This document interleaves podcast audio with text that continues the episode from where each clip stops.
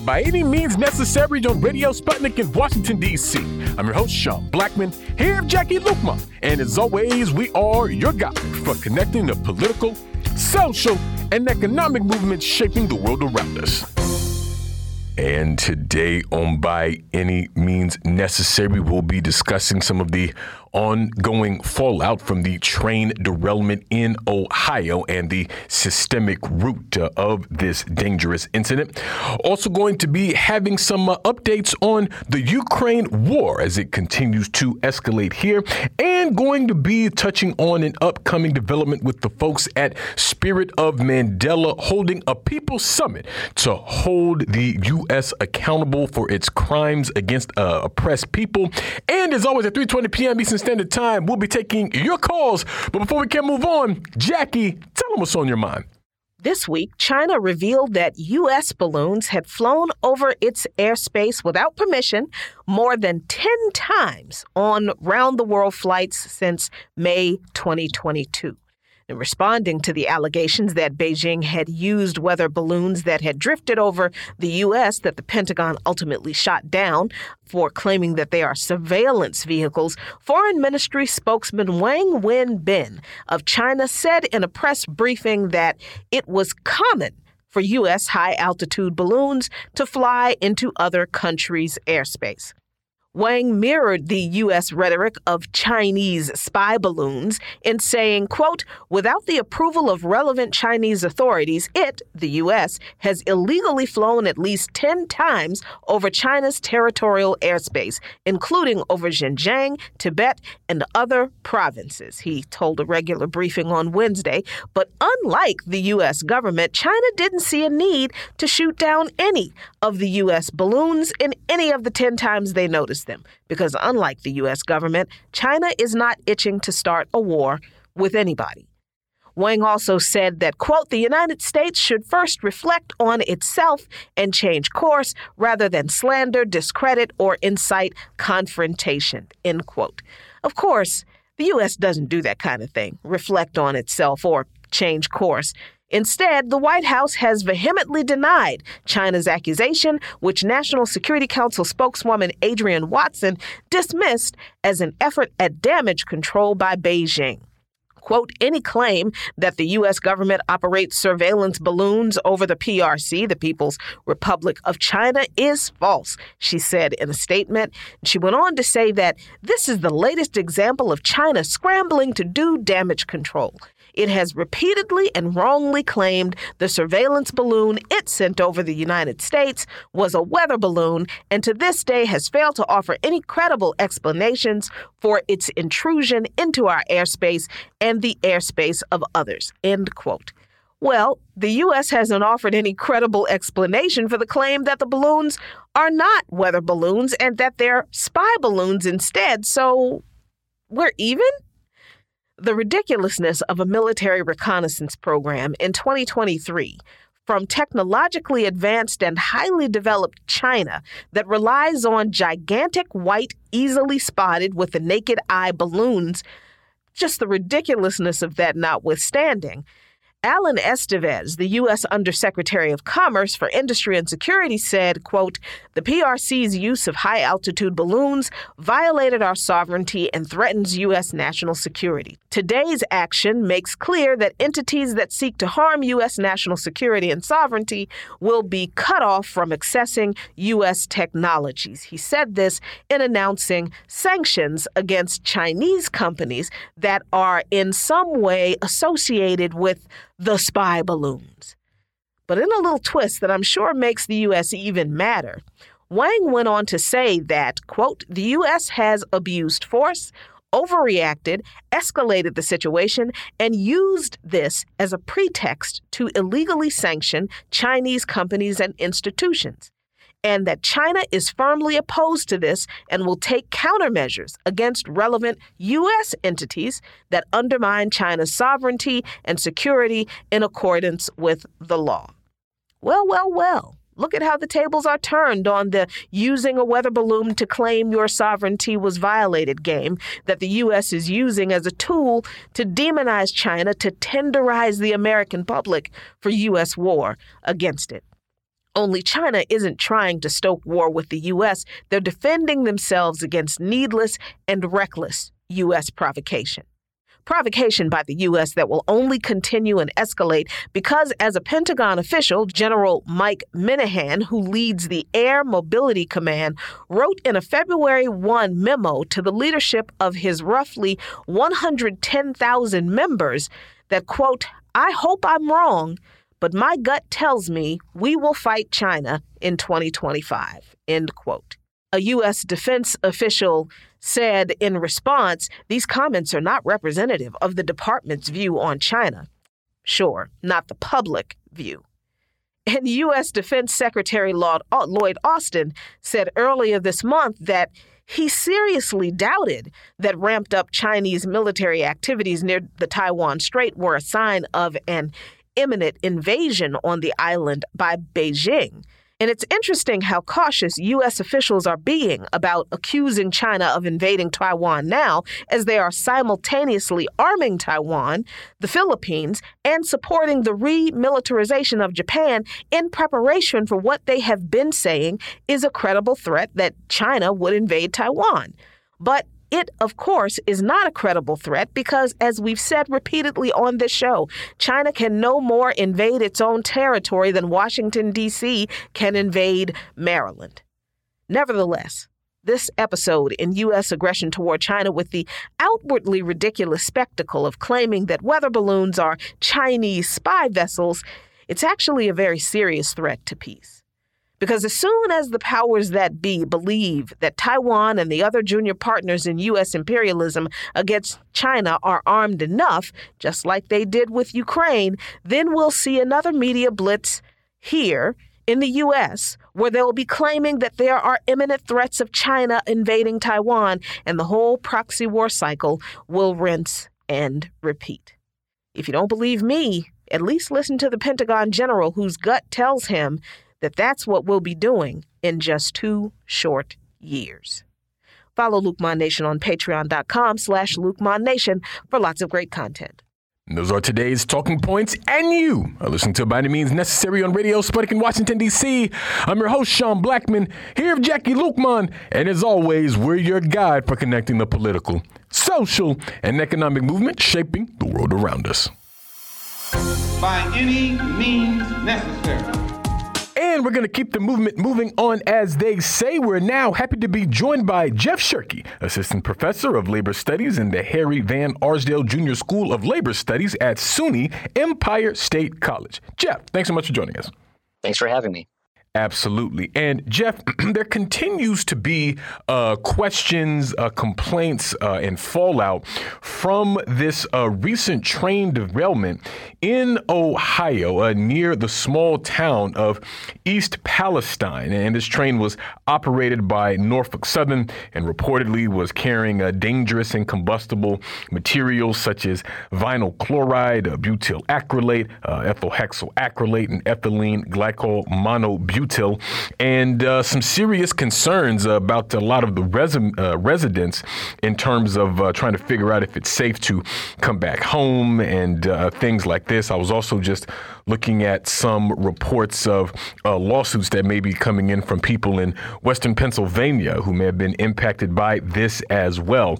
And I just feel like there's a lot that this issue has sort of brought to the fore in terms of how these kinds of chemicals are handled, uh, infrastructure, of course, climate, and uh, uh, uh, you know the kind of resources or lack thereof that are available to people when these things happen. But I'm just sort of curious your top line thoughts about uh, this whole situation and how it's unfolded up until this point. Yeah, well, the thing that um, really grabs my attention, I guess, is be, you know because we just recently, late last year, uh, had this high profile labor struggle on the railroads with um, the unions and many of the workers threatening to go on strike uh, to win a new contract. And one of their main, you know, the, the main thing that the railroad workers were fighting for was better working conditions um, and better safety. And then, of course, that strike um, was was effectively stopped by the federal government, by President Biden and Congress, who voted to force a contract onto the rail workers, even though a majority of the workers from four of the largest rail unions had voted to reject that contract. And, you know, the, in a sense, a lot of what the rail workers have been saying about uh, cost cutting from the freight rail carriers like Norfolk Southern, which was the, you know, the, the company that was involved in this derailment, because of all those, that, that cost cutting and understaffing and the fact that they the rail carriers really don't care about safety um, and they don't care about efficient, effective transportation either.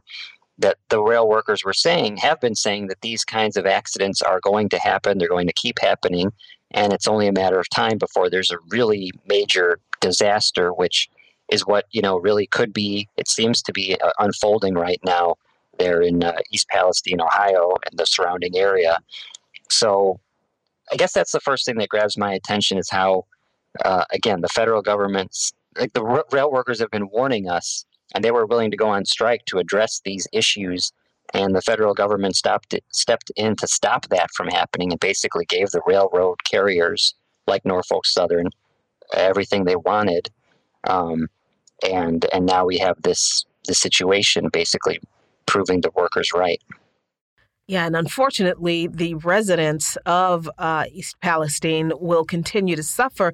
One of the issues uh, that has been noted that Norfolk Southern's uh, trains have had is this very outdated braking system that the company apparently helped to kill a federal safety rule that was supposed to upgrade. I mean, do you think that this is one of the myriad issues that workers were trying to raise an issue uh, to raise and when they were organizing about these kinds of safety issues, as well as the skeleton crews that the uh, uh, freight trains were operated in that made their operation unsafe as well? Yeah, absolutely. It really all comes down to the rail carriers and their cost cutting and their you know their chasing more and more profits. They're, these are highly, extremely profitable corporations. Norfolk Southern, I think, last year made like something like over $4 billion just in profits. And they don't put that money into safety. They don't put that money into uh, into their workers, allowing their workers to have you know paid sick leave and basic things like that. Instead, they just put that money into their own pockets with stock buybacks and dividends uh, to enrich themselves so they're kind of and so yeah that the the, the question of the the braking you know they're they're still using these old um, air brakes systems that go back to over 100 years.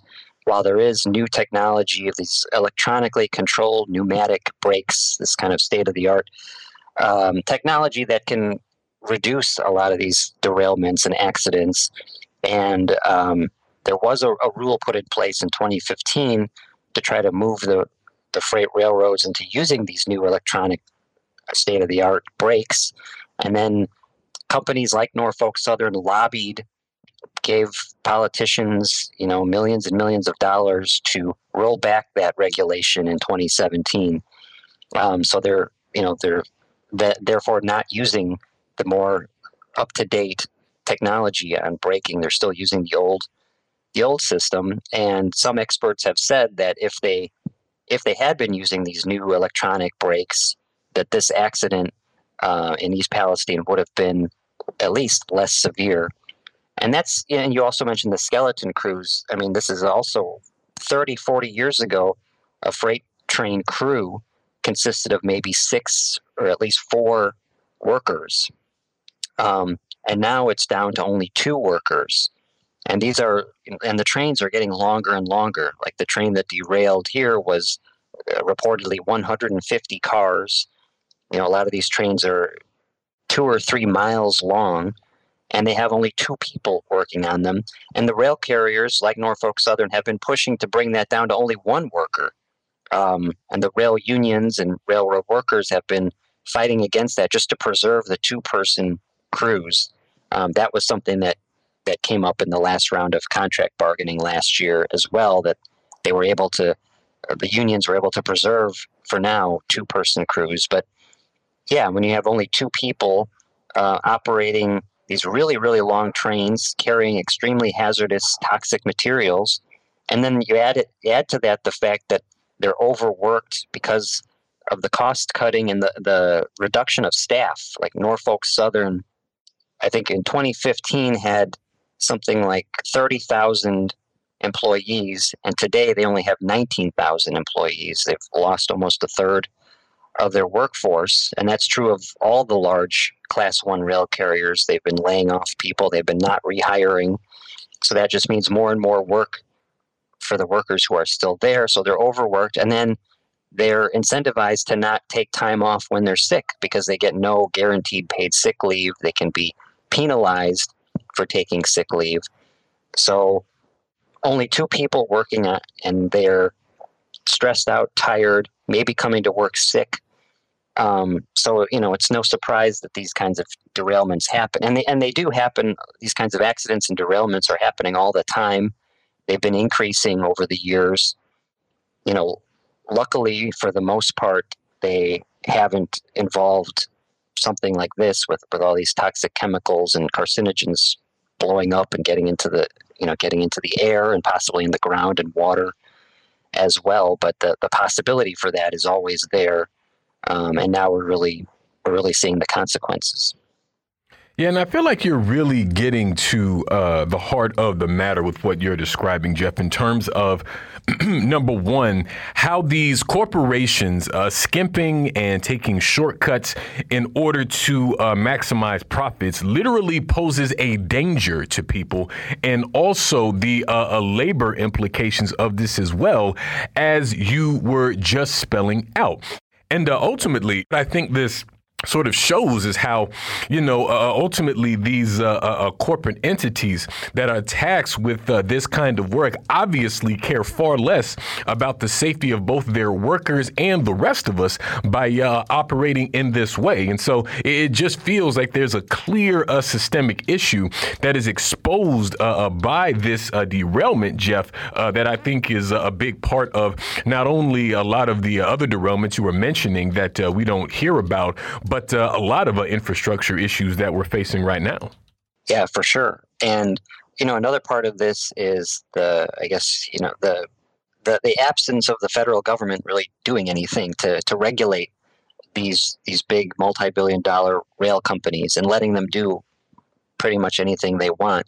I mean, I already you know we talked about the the the braking system and how the in 2017 that that regulation to update the brakes was overturned, and you know that that's just one of many examples around uh, all these things about safety, um, workers' rights.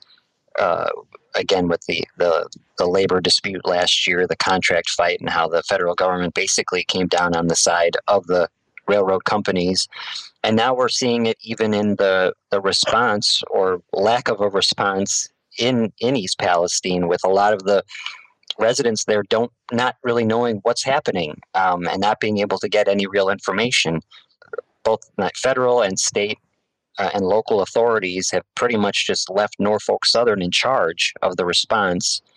So there's reports of people who, you know, apparently Norfolk Southern has promised to give one thousand um, dollars to the people who were in the one mile radius of the accident um, and, but then there's questions about what about people? You know, the people have beyond one mile radius have also been affected. They've been um, having trouble breathing. They've had you know eye irritation, skin rashes. Their pets are getting sick or dying. Their livestock dying.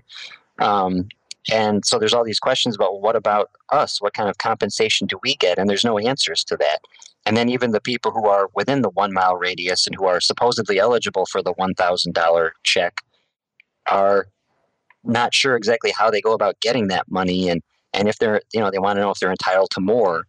And, um, you know, there's all kinds of rumor and speculation going around on the internet about what exactly has happened and is happening and how dangerous it is, which must be really stressful for the people who actually live there, who are, you know, need to know this is their their health and safety, their lives, and they don't have the information because where's where's the government? They've kind of just handed the keys over to Norfolk Southern and said, you know, you handle this, you fix this.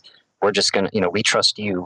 I mean, yes, the EPA and whatnot has been there, uh, doing a little bit of testing around, you know, saying, oh, the, the air is safe now. But the real concern is what is getting into the ground and getting into the water that could have long term effects that we may not see for months or years.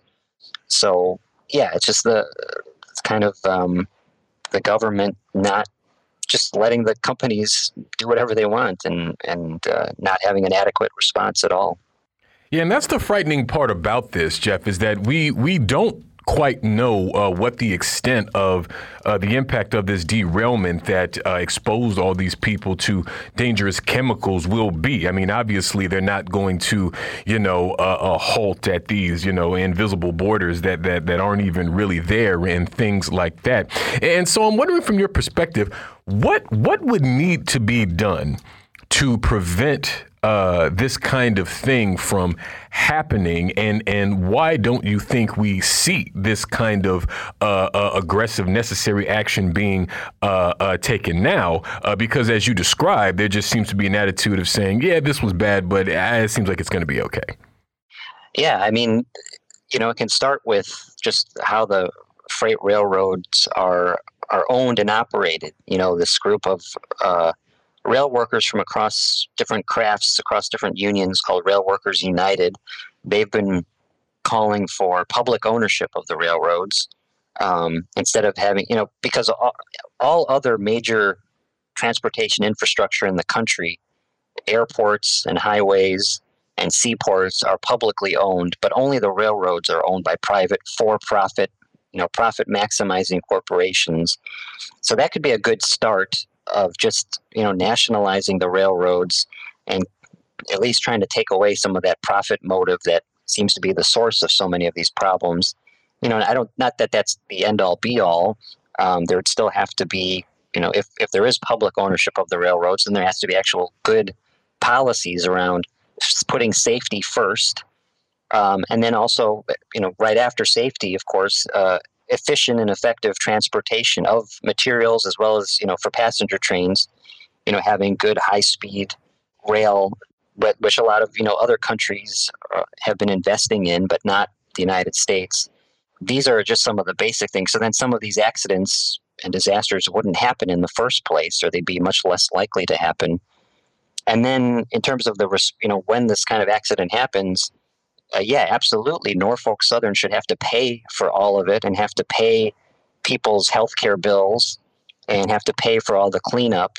But I don't think that means Norfolk Southern should be in charge of of all of it. You know, there should be government agencies that are regularly in contact and, and you know with uh, the people who are affected, that are you know providing them information, that are listening to them and believing their concerns um, and handling the response in a cohesive um, and clear way that actually, you know, it takes it seriously. But let you know, Leah, let Norfolk Southern foot the bill because they've got billions and billions of dollars. The fact that they're offering, you know, one a one thousand dollar check only to the people within the one mile radius is kind of a joke, considering how much. I mean, they could pay everybody's healthcare bills for years and years, which they should. And I think that's what those lawsuits are trying to to make happen. But that I'm sure that'll take years to uh, you know years in the courts um, to to be figured out. Definitely. Well, we thank you so much, Jeff, for joining us today. We're going to leave it there, but move to a break here on By Any Means Necessary on Radio Sputnik in Washington, D.C. We'll be right back, so please stay with us. By any means necessary.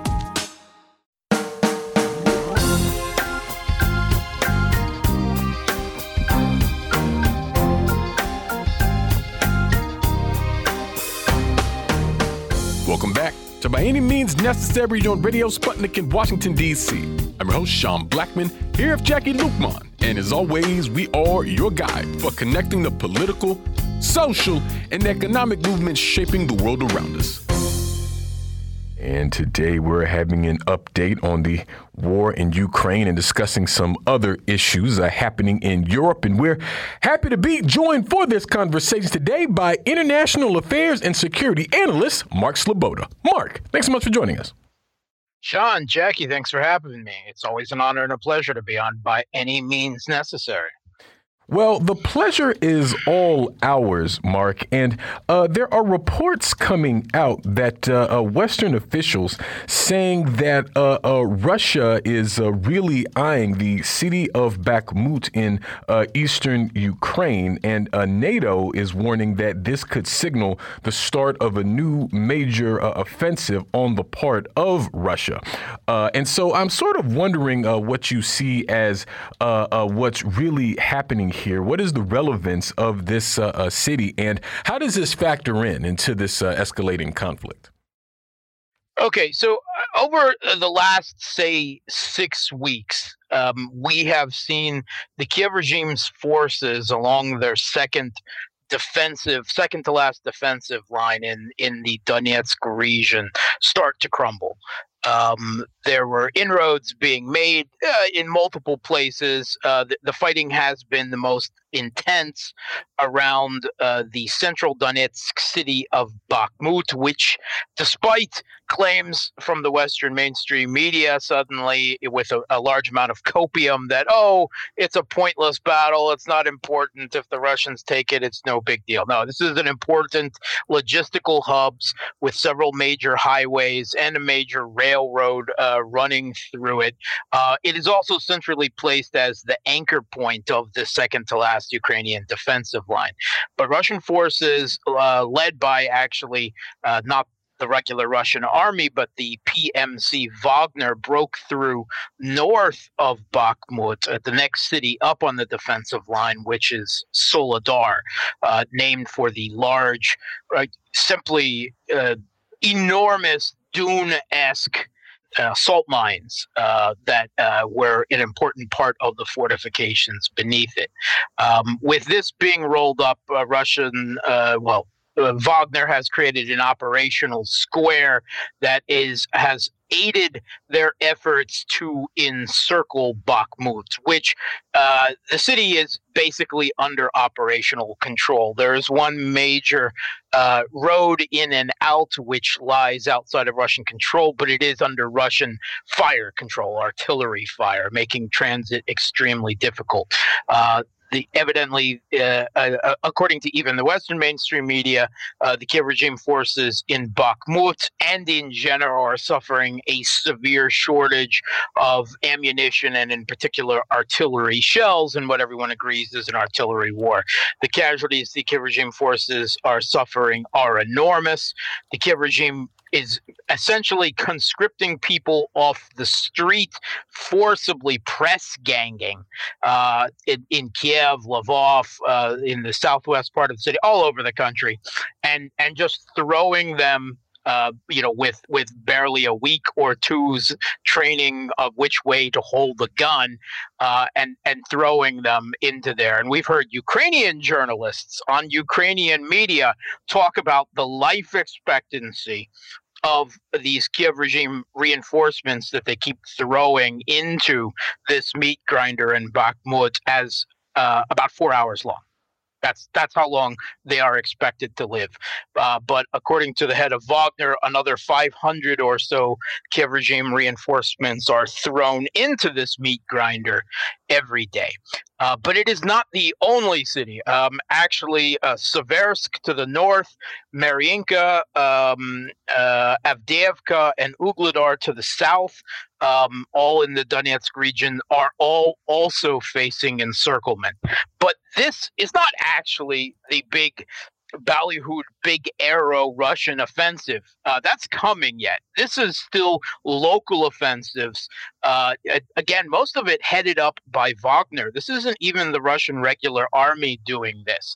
Um, that big arrow offensive is likely coming within the next, well, uh, week, uh, week to 10 days as well. Um, and uh, according to Western sources, uh, Russia has gathered up to half a million troops, um, some 300,000 reservists uh, that they called up that have not been put into the theater yet, another uh, 100,000 or so volunteers, uh, and some additional troops from, from the Russian uh, regular army. Um, and there are gathered in several places around, but no one seems exactly sure what form this offensive will take. Um, it part of the, the nature of this conflict is that both sides uh, Russia and uh, the Kiev regime, through their NATO uh, puppeteers, have complete satellite coverage of the battlefield, right, at all times. Uh, so it, it's very difficult to do surprises. So one of the methods being used is to spread forces in multiple areas that can then be shifted quickly at the last minute towards one area. There is a strong possibility that Russian forces could head down the Dnieper River uh, from in Belarus uh, through Chernigov and Sumy and seek to cut off the Kiev regime's supply lines from Kiev to the Donbass region. Uh, but uh, there, there are other potential Russian big arrow offensives uh, looming but it will be significant. Uh, up until now, from from the last year, the full first year, Russia, the Russian government, however naively, I believe, um, self limited what they called a special, military operation to just some 150,000 troops, uh, buttressed by about 50,000 East Ukrainian, former East Ukrainians who have been fighting the regime for eight years already. Um, and this, I believe, was a signal that their goals were limited and they did not want to escalate with NATO. I think this was naive. The Kiev regime mobilized, uh, forcibly conscripted some million people. NATO arms flooded into Ukraine, uh, at least in the beginning, in, in a flood. Uh, they've since had some problems as their NATO is being demilitarized as well. But now Russia, I, I believe, for the start of season two, when we're looking up on the anniversary of the beginning of the Russian intervention in the Ukrainian civil conflict in some 10 days. I expect something very big on the Russian side from them with the commitment of, of these new troops to the battlefield. The Russian president, Vladimir Putin, is giving an address to the country on February 21st. Uh, it is uh, the Amer- the equi- Russian equivalent of the State of the Union address. Um, it is being delivered to the the, um, the, Russian Duma, like the Congress, and the Federal Assembly, like the senators. Um, so it, it's it's kind of the whole country. Um, and uh, the word is that this will be a very important announcement about the the future, uh, including the future of the conflict uh, going on with NATO going on in Ukraine. Uh, and I expect it to be the announcement of a, of, of a vastly different and larger scale uh, military effort on Russia's part. And Mark, what does this mean in the context of uh, reports that we're seeing in some Western media outlets that Ukraine is suffering not only a manpower shortage, as you said, they're conscripting people right off the street, but also they're looking at shortages in, of, of ammunition. Um, and NATO countries are having to ramp up their production of ammunition. Um, is that true, first of all? And in the face of a, a, an escalation of Russia's response, at this point, will it even change the course of this conflict? Yeah, everyone agrees that this is a war of attrition. That means logistics is paramount.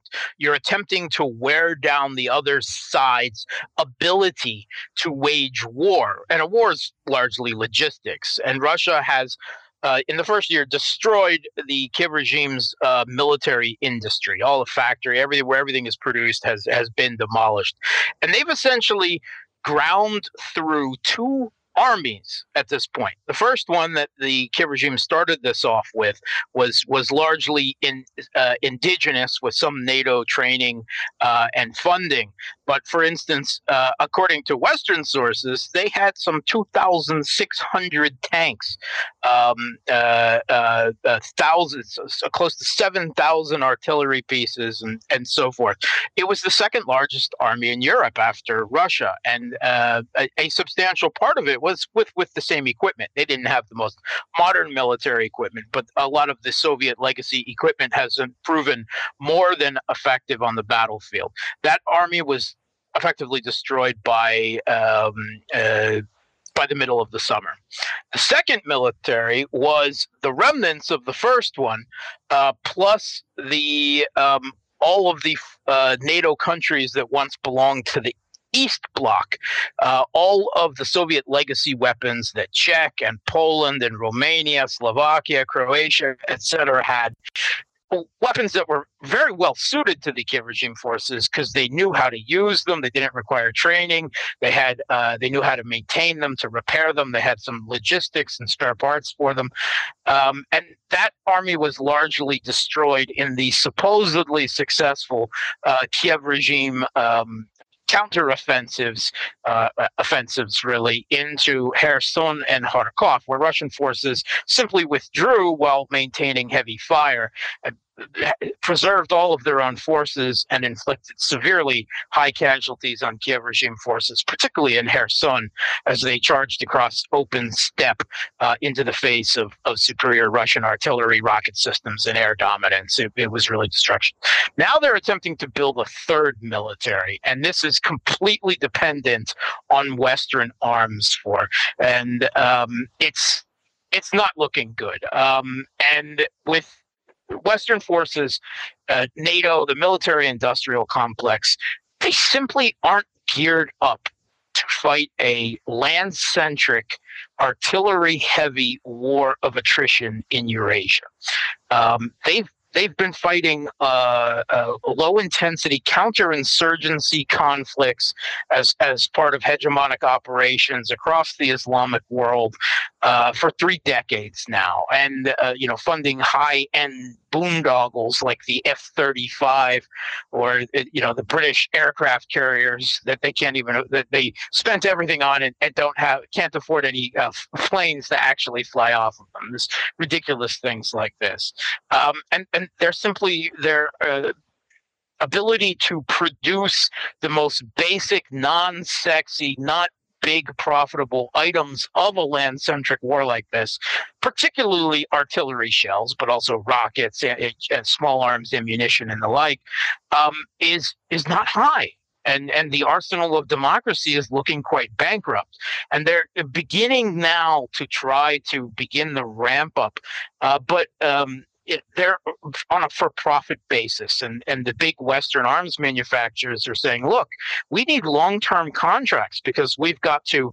We're not in a war economy, and we have to, uh, you know, pay uh, to establish new factories, new production lines, bring all new personnel, and unless you can pro- offer us long-term contracts, uh, it's not profitable for us. So uh, this this argument is is ongoing, and meanwhile, the Kiev regime, which had been firing some 5,000 to 6,000 artillery shells a day compared to Russia's 50 to 60,000 artillery shells. And this is by the Kiev regime's own estimates. They're running out of ammunition. They're running out of uh, artillery pieces. They're running out of artillery shells, uh, and now they're they're their their vaunted uh, quote unquote million man conscripted army has been ground down to a, a skeleton force that isn't able to cover all the front as well.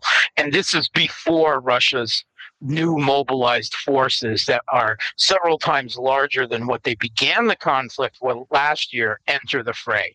Um, I'm expecting big changes in the battlefield. The British newspaper, The Telegraph, started to try to reverse course on its propaganda, the Western propaganda about the course of this conflict for the last few months, and ran a headline last week saying uh, it, to expect big shock Russian advances in the coming weeks because it's simply not the way that they have pre- presented this conflict going forward. And uh, Russia has been fighting a war of attrition, uh, while the Kiev regime has been fighting a manpower heavy uh, a war uh, for territory, a war of maneuver for territory, and it has cost them dearly. Um, and I expect we're going to suddenly realize how worn out the Kiev regime's forces and NATO's ability to keep them in the fray has been worn down uh, through the last half a year of supposedly the Kiev regime winning the war. And uh, about uh, two minutes left here, Mark. But uh, given what we've discussed here, I mean, it just sounds like the center really can't hold, uh, at least in terms yeah. of uh, Kiev, uh, in terms of this conflict moving forward. And so, well, at the same time, it doesn't seem like the flow of aid and military weapons from the U.S. and West will end either. And so, I mean, I just, and obviously we don't have a crystal ball, but given the fact that there's this like war of attrition aspect to it, I mean, how do you see things proceeding from here? Yeah, I, I, I don't perceive, see things proceeding well for the Kiev regime. I think your quoting of William Butler Yeats that the center can't hold, Mayor Anarchy is loosed upon the world is extremely appropriate in this situation. Um, I expect the Kiev regime's uh, second to last defensive line to be rolled up within the next four to six weeks, um, and Russia to already be Russian forces to already be making advances uh, towards the last big defensive line, where the uprising against the Kiev Putsch began in Kramatorsk and and Slavyansk. But I also expect this big arrow offensive to be directed at something more strategic, possibly cutting off this new more desperate supply of, of Western arms. Uh, probably it's something like the Dnieper. Um, and uh, I, I, think it will very much change the way the Western media has been talking about the war for the last few months. Definitely. Well, we thank you so much, Mark, for joining us today. We're going to leave it there. We'll move to a break here on By Any Means Necessary on Radio Sputnik in Washington, D.C. We'll be right back, so please stay with us by any means necessary.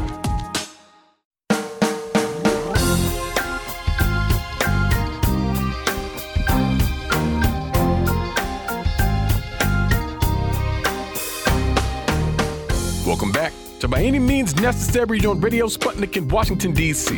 I'm your host, Sean Blackmon, here with Jacquie Luqman. And as always, we are your guide for connecting the political, social, and economic movements shaping the world around us. And today we're talking about a People's Senate uh, uh, concerning uh, going after the United States and its commitment to uh, genocide across this earth. And we're happy to be joined for this conversation today by Jalil Muntaqim, an activist, former political prisoner, and Black Panther, and the author of We Are Our Own Liberators. Jalil, thanks so much for joining us. Thank you very much. Assalamu alaikum. Peace, plaza, Maragani, Bajumbo, uh, Hasadah, Haping, whatever your language is, uh, Guten Tag, uh, Shalom, whatever your language is, I uh, reach you in peace and solidarity. Thank you for giving me this opportunity uh, to speak on something that's very important, vital for our struggle, for our movement to understand uh, our future development, how we're moving forward. Uh, many of us are moving forward in regards to uh, our relationship we have with this uh, U.S. corporate government. Absolutely. And of course, Brother Jalil, for some time now, uh, you've been working with uh, this group, the, the, the Spirit of Mandela, which is uh, dedicated to uh, a number of things and fighting a number of uh, human rights abuses and violations uh, committed by the United States against black, brown, and indigenous people. And I know that here soon you all will be conducting a, a People's Senate to this end. So could you describe to us just how this uh, uh, People's Senate came together, and uh, what is it that you all hope to uh, achieve here? Absolutely, my pleasure. Uh, well, back in uh, 2018, while I was still inside the institutions, I was held in uh, Southport Correctional Facility, which is a um, a, a holding prison for anybody who's doing solitary confinement. And so the entire institution is, is, is one of everybody locked down for 23 hours a day. At the time, I decided it was necessary for us to uh, reintroduce the international Jewish in the United States. I sent a proposal to our comrades uh, the Jericho Movement and various other organizations uh, like Sekou Odinga and uh, Jihad Abdulmumit and uh, Matt Myers.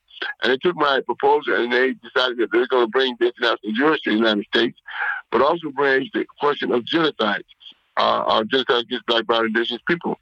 Uh, we succeeded in doing so in October 25th, 2020, actually October 23rd to the 25th, 2021, we had the tribunal, international tribunal, was held at the Malcolm X Betty Shabazz uh, Education Community Center in Harlem, and a memorial center in Harlem. And, uh, and after the three days of testimony, 30, test, 30 witnesses and, and boxes of documents that these nine esteemed uh, uh, international jurors uh, concluded that the United States was guilty of five charges of genocide. Those five charges are mass incarceration, uh, sending our people, uh, guiding our people into a system of mass incarceration. Uh, second of all, the existence of political prisoners, uh, the corporate government refusing to recognize uh, existence of political prisoners in the United States, uh, uh, um, health inequities, uh, that our community is suffering from all kinds of ailments and disabilities as a result of other conditions uh, confronting our community, particularly issues of poverty. And the other issue, of course, is environmental racism. Environmental racism that we have found, many of our communities found in areas where the community or the, the environment in and of itself is polluted. Uh, like in the situation with water, what's going on down in Jackson today, and various other places where we find ourselves uh, uh, uh, uh uh, compromised in terms of our effort to find our own prosperity as the people in this country. And then last of all is the uh, the charge of police murders and killings of our people. Uh, the, the state-sponsored terrorism that has been going on for the last 400 years as a result of these police who come out of a, a system of uh, chattel slavery, who came out of the system of, of slave patrols. Uh, these are individuals who continue to monitor and surveil our community with deadly intent.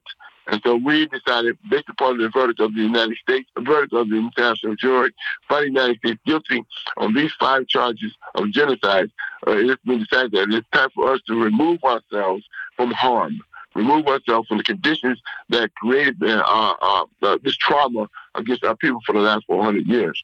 So we want to remove ourselves from a system that the, that the international community has decided uh, has been engaged in genocide against black, brown, and indigenous people.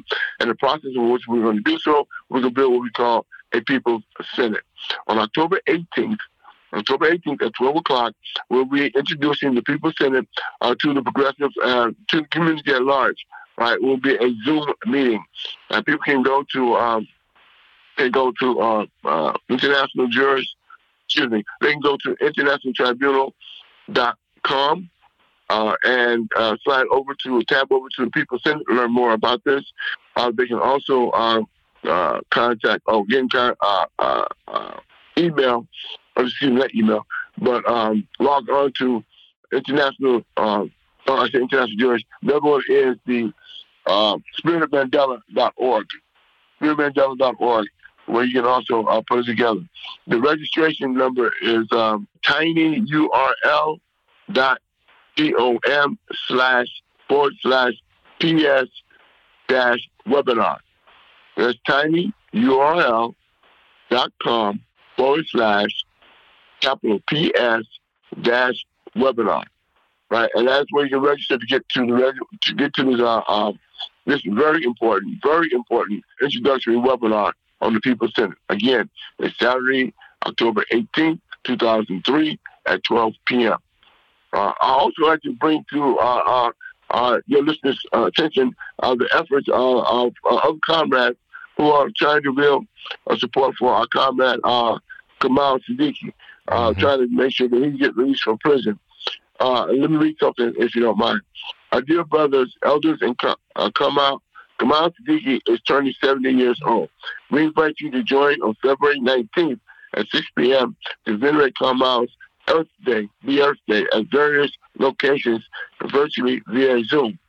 The international campaign to free Kamau Sadiki, hashtag Free Kamau Sadiki, welcomes endorsements and spokesmen for our medical advocacy forum.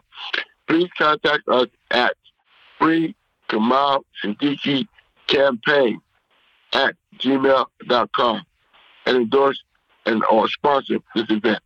Right, so the event is for uh, our comrade 70th anniversary, a 70th birthday, uh, and we are building a campaign to free Kamau in 2023. All of this is be part of the discussion, part of the discussion of our People's Senate uh, on the 18th. Right, this is our 18th is the People Senate, and on the 19th is the free uh, Kamau uh, uh, uh campaign, uh, birthday celebration. And so, for those of us who are engaged in this process, it's important that we try to unite as many people as we possibly can uh, for the People Senate and recognizing that although we have diverse areas of concern, that we are united in our understanding that where our people has been engaged or has been suffering conditions of genocide, right? And it's time for us to remove ourselves from that harm. It's time for us to figure out new ways of governing ourselves when we know that the system that has been governing us has been involved and engaged in genocide in those five particular areas specifically, but we know across the board that we as a people in this country has not been have been prevented, prohibited from prospering uh, with the ideals of what America is supposed to represent. We have been denied that, and we continue to be denied that. And so it's time for us to begin to consider uh, moving in directions that would support our own liberation, our own independence, our own emancipation, and uh, abolishing anything that is anything that is uh, anti-black, right? Anything that is anti-brown, anything that is anti-indigenous, right? If it's anti any of those things, they need to be abolished. And so we're raising about our abolitionist movement to the next level uh, to, to, to the level whereby we know that we need to abolish anything that is anti-black, anti-brown, and anti-indigenous. If it's that, abolish it, period. Yeah, you know, thank you so much for that, Brother Muntaqim. And, you know, you there are four goals that are stated of the People's Senate. What are those goals and why are they important in uh, raising this struggle uh, for lifting up uh, the leadership among those people that you just mentioned? Well, uh, the, the, the goals are naturally is for us to build a what what we consider a, a united front, uh, consistent with uh, the goals and objectives of uh, uh, people who wants to be free. Now, now, I'm not saying that everybody wants to be free. So most uh, most of our many of our people have been duped into uh, a, a a a compromising position where they've been indoctrinated to believing that this system is the only system, the most vital system on the planet, which is a lie. Right? If it is vital, then it's based upon uh, them continuing to exploit uh, our, our labor and our resources. And so we're going to put the end to that. Uh, so uh, um, the, the, the, the goals of the judgment naturally is to build this, this kind of united front and uh, recognize that we need to divorce ourselves from a system of genocide. We also need to build uh, international support uh, for our goals and objectives. Uh, we need to ensure that the international community understands the nature of our struggle within the confines of the United States. The 3,000 or 2,000 miles that call the United States original name is still island from the indigenous people. And so for us, it is important to raise our concerns into the international community as well as uh, ensuring that uh, our own people here within the, this, uh, this territory is organized to the capacity where we can resist the type of genocide that we have been suffering for the last 100 years. Definitely, definitely. And, you know, in our last few minutes, uh, uh, Brother Jalil, it just seems like this kind of effort is so important in a moment like this where, you know, this uh, capitalist imperialist system that we live under in the U.S., um, at least from our position, is in decline, though we don't think it'll necessarily fall tomorrow. But the contradictions of these systems, um, I think, are uh, uh, visiting consequences upon the head of the masses of people people in a sharper way than we've seen in some time. And so it feels like efforts like the People's Senate and the overall spirit of Mandela peace uh, uh, is uh, important as consciousness begins to shift. And uh, this kind of real organizing, I think, is going to become even more important. I, I agree with you uh, totally. And that's why it, it is significant. It is important. And in fact, it is historic. And when we look at what happened in terms of the People's Senate, we recognize that 70, over 72 years ago, the, the great Paul Robeson, the great W.D. Du Bois, the great uh, uh, um, William Patterson made an attempt to present to the United Nations uh, uh, uh a charge of genocide. And that charge was the first charge of genocide, which was raised by these three individuals along with the organization that they represented. Uh, and at that time, the FBI prevented uh, Paul Robeson going to Geneva in order to present the presentation. When William Patterson was over there, uh, they tried to prevent him from coming back. Uh, having present uh, the documents to the United Nations, uh, we charge genocides. That was on uh, uh, December 17th, 1951, about two months after I was born. And so what we find is that 70 years later, 72 years later, that we succeeded in doing what Paul Robeson, W.E.B. Du Bois, and William Patterson attempted to do back in 1951. We actually got a verdict from an, esteemed international body that determined that the United States, in fact, is guilty of genocide against black, brown, and indigenous people.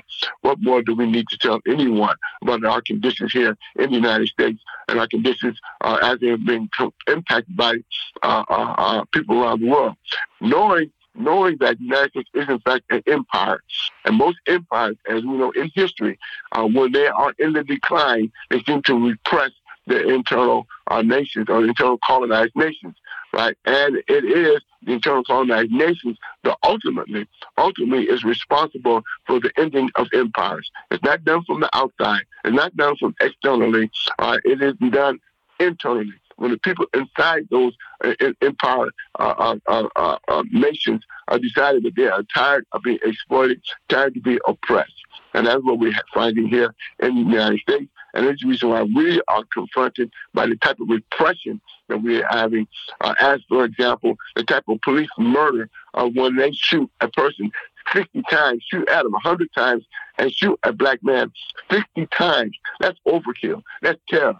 Right? That's the message they're trying to send to us across the country that they will murder us. We know that right? And so for us, it's extremely important that we build our own defenses against that kind of state-sponsored terror, right? And that's what the People Center is about, of finding means for which we can govern ourselves and defend ourselves against these kinds of atrocities that we as a people have suffered and have normalized in certain instances our own trauma. Uh, therefore, we have uh, been complicit in some of our conditions of our own oppression.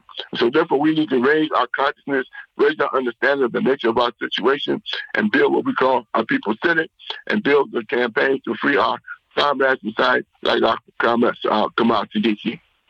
Absolutely. And again, anyone that wants to find out more about the Spirit of Mandela or the People's Senate, check out spiritofmandela.org. Well, we want to thank you so much, Jalil Muntaqim, for joining us today. We're going to leave it there. We'll move to a break here on By Any Means Necessary on Radio Sputnik in Washington, D.C. We'll be right back. So please stay with us. By any means necessary.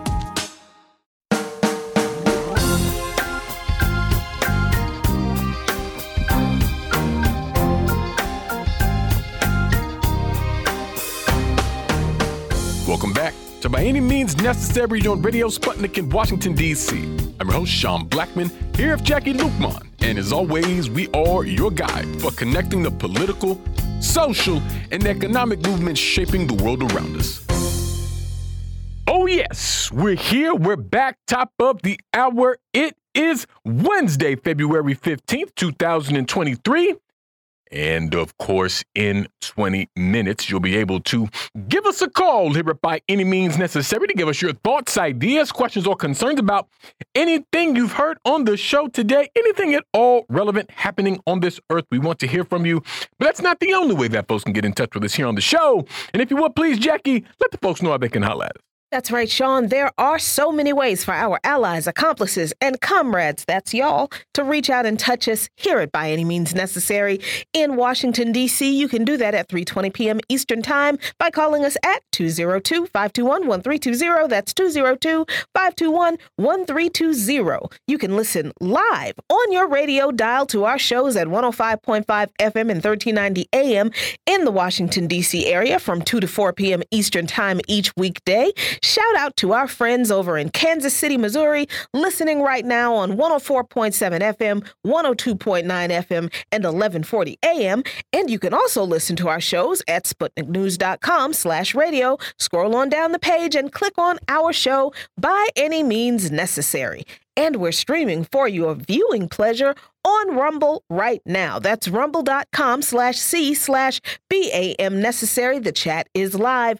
And remember, friends, at 3.20 p.m. Eastern today, you can call us at 202-521-1320. That's 202-521-1320. But wherever you are in this world and however you do it, we want to hear from you. We most certainly do. We most certainly do. And uh, at the top of the hour today, uh, Peyton Gendron, who is the racist terrorist who killed 10 black people at a supermarket in Buffalo, New York last year, was sentenced to life in prison uh, after listening to uh, the victims' relatives express express everything that they're feeling, all of their uh, rage and pain and, and suffering uh, at him. There was even an incident that was caught on camera. People may have seen of uh, a man who actually tried to charge uh, uh Gendron, but uh, was restrained. Uh, be that as it may, we're happy to be joined for the hour today by Netfa Freeman, coordinating committee member with the Black Alliance for Peace, organizer with Pan African Community Action, and host of Voices with Vision on WPFW 89.3 FM right here in Washington, D.C. Netfa, thanks so much for joining us.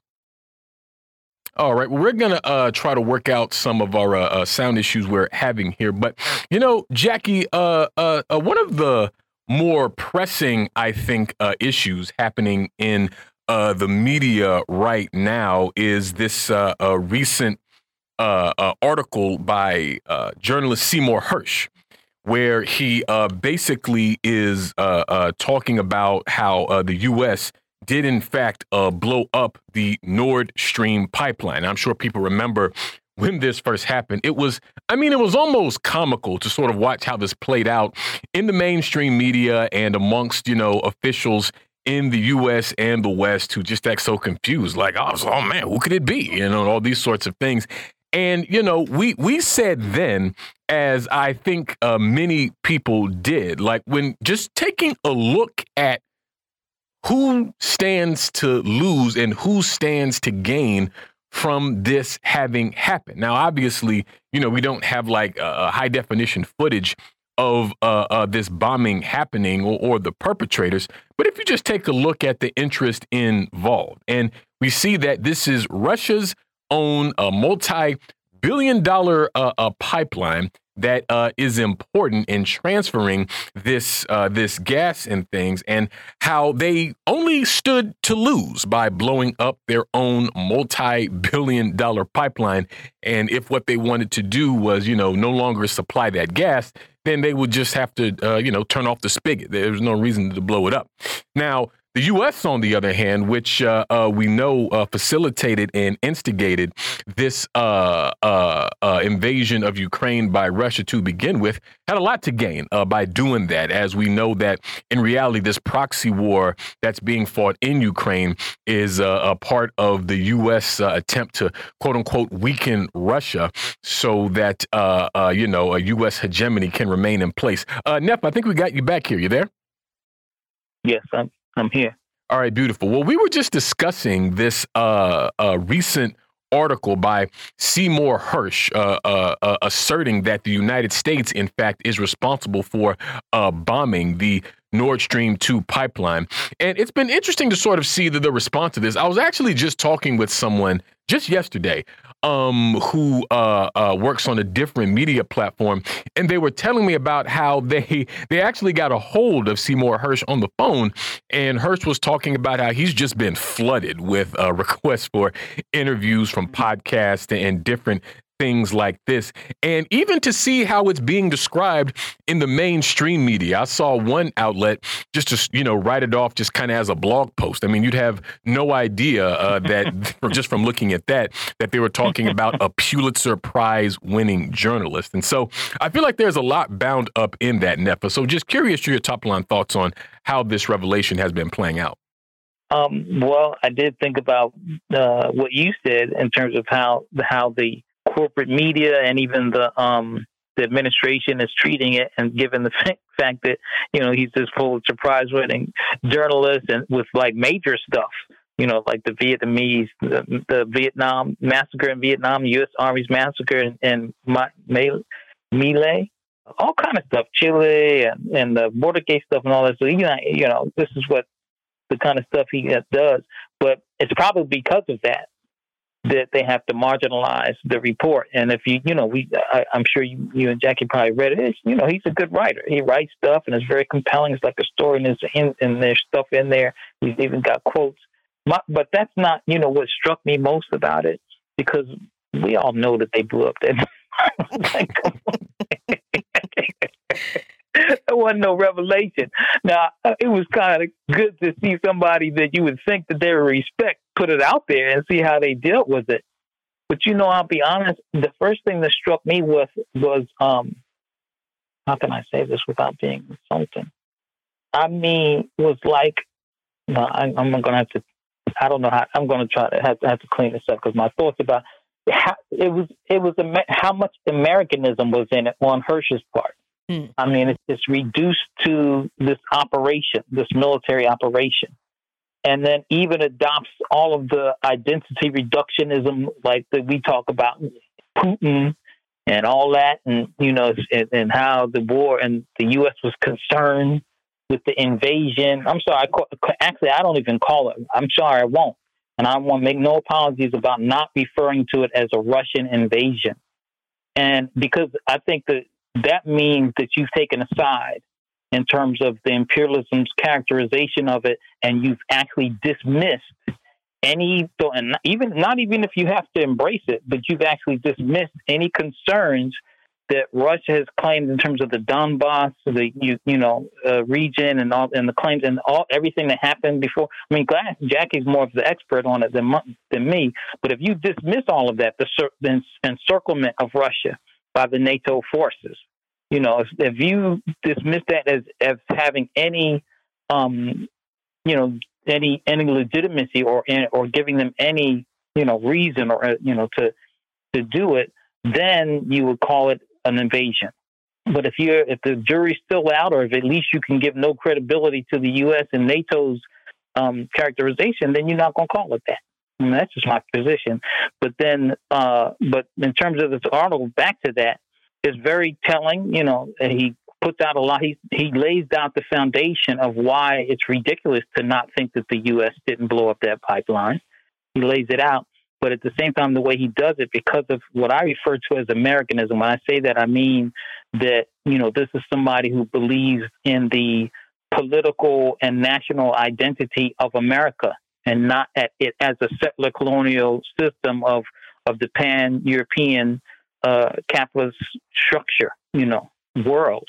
I mean, to me, because you know, if you believe in that, then you'll believe, and you'll, and, and black people do too. I'm not dismissing anybody else. We, we believe that there's this America that has legitimate foreign policy concerns and projects, and even some, you know, uh, real like talking about not even domestic or foreign policy of the ruling class um, in a way that they speak about it, as if it's, in other words, like, you know, to say the U.S. was concerned about Russia's invasion of Ukraine. They're not concerned about that. I mean, they, when they, they invade places, they kill people. They're not concerned about human lives. So it's ridiculous to even make that type of supposition when we talk about, uh, you know, the ruling class and what they do. And so, an Americanism will do do that to you if you believe that there's such a thing, or that there is such a thing, but it's that it has credibility. So, anything anyway, that's the first thing that that caught me, or some of the things that caught me, because it just you know it just was no surprise. Um, I enjoyed reading some of the stuff and you know all that, but yeah, that's my thinking. Sorry. Yeah, you know, I, I am sorry because I said I was going to be unapologetic. Don't sorry, apologize man. for being unapologetic, sir. I mean, I, I, think I think the thing that that is kind of um, I, I I won't say funny, but the thing that is striking me is, of course, the corporate media blackout. Other than you know to to try to discredit uh, uh, the the story in you know in any way, but just the fact that there is no effort by any corporate media outlet to look at this from you know as as Sean noted, a Pulitzer Prize winning journalist. Just there just seems to be no effort to say, hey, this rather noteworthy journalist with a solid track record has made some revelations, has published some revelations, and maybe we should look into that. Instead, it's this whole, you know, if, if, a tree falls in the forest and nobody hears it, did it really fall kind of argument? Like if none of the mainstream media uh, uh, outlets uh, pick up the story and publish it, did it really happen? And I, I just, I just think that that's another example of the illegitimacy of the entire media apparatus in the, in this country. Uh, That's right. That's why we, I refer to it always as the fourth branch of the U.S. government. I mean, that's exactly what they are, and, and it also kind of goes back to what I'm saying in terms of its re, when when the White House or even with on local governments, when the state issues a statement when they issue something like, or like for example, police or the or the the uh, Defense Department issues a statement, they take things, assertions of, of, you know, fact and report it as if they are fact. They don't say, well, you know, the State Department says this. The State Department says certain, certain aspects of it, they'll say that. But and uh, most of the time, they, I mean, a lot of times, certain things they won't even say as, as alleged or their position in terms of what, you know. Um, so, example, for example, and I know we're going to talk about some, you know, the, the AFRICOM, they killed 12 El Shabaab militants. So did they? So, you know, I mean, that's what they. That's the assertion. It's not that they said that they were militants that, that they killed. You know, and so those are the kind of things. And that's what. I mean, I don't want to get too far off track here, but I'm agreeing with what you're saying is they didn't even bother to investigate it because the United States already dismissed it as complete fabrication. You know, and, and what did they say? They call. I'm trying to find the, the quotes that I saw somewhere. It was, uh, and I think I saw them in, as strangely enough, it was Democracy Now's headline, news headline on it they quoted a couple of the of officials from the U.S. government uh, dismissing it as as fantasy or something like that, uh, conspiracy or something like that. And it was actually interesting enough that Democracy Now only had like a headline. Maybe they, you know, I didn't see today or before, but maybe they tried to interview Seymour Hersh after that. But even they uh, kept it just to their headlines, headline news from what I saw. So I, I don't want to miss you know, I don't want to blame them for something that they may have corrected. Yeah, and you know the the thing uh, about it is that uh, it, it, I feel like when we talk about the the information warfare aspect to all of this, right, to this whole uh, uh, proxy war situation that has been going on for almost a year now. Next week will mark one year since uh, all this began. And, you know, in terms of the mainstream, you know, it, it's easy for them to, you know, point to shows on uh, Radio Sputnik, uh, you know, a state media platform, or to other alternative media platforms, and you know, uh, uh accuse those elements of you know being quote unquote pro Putin or just you know regurgitating Kremlin talking points. I still haven't quite figured out what those are or or any or just you know shilling for Russia or whatever and what have you. But you know that's not so easily done uh, with someone like Seymour Hersh, who, as you point out, Netfa could never be um, accused of being like a, a revolutionary anti-imperialist or anything. He's just simply uh, t- telling the truth as an ethical journalist, and he comes from a time when this kind of journalism was, uh, excuse me, not only you know uh, allowed but you know almost well i don't know if i would say encouraged but I, I, think it's true that there was at least space for it. And i mean you know this is how we get people like uh, robert Parry and others. And another thing that that i think that people get hung up on when criticizing this piece is that you know it's it's based off of uh, a single source. And what I would like to remind people is that in the mainstream media, they have multiple uh, anonymous sources all the time unnamed officials unnamed uh, sources inside the, you know the intelligence or whatever and what have you. So people don't have any uh, uh, issues sort of accepting that when it it supports the narrative of uh, the US imperialist state but when they have this piece that indicts that same U.S. imperialist state, now all of a sudden people want to, uh, uh, you know, be all doctrinaire with the, the, ethics of journalism or whatever. And so I feel like just the the way that this has been uh, uh, treated, uh, particularly by these mainstream platforms, I think just sort of really reveals the role that uh, uh, uh, the capitalist, excuse me, that this hawkish capitalist media plays really in spurring on uh, uh, these wars like we see in um, Ukraine, uh, uh, Netfa, as not only a place to sort of, you know, gatekeep what is the accepted narrative. And of course, the only accepted narrative is only that of uh, uh the U.S. imperialist state and its ruling class, but also to dismiss, suppress, and stigmatize anything that contradicts that narrative. You know what I mean?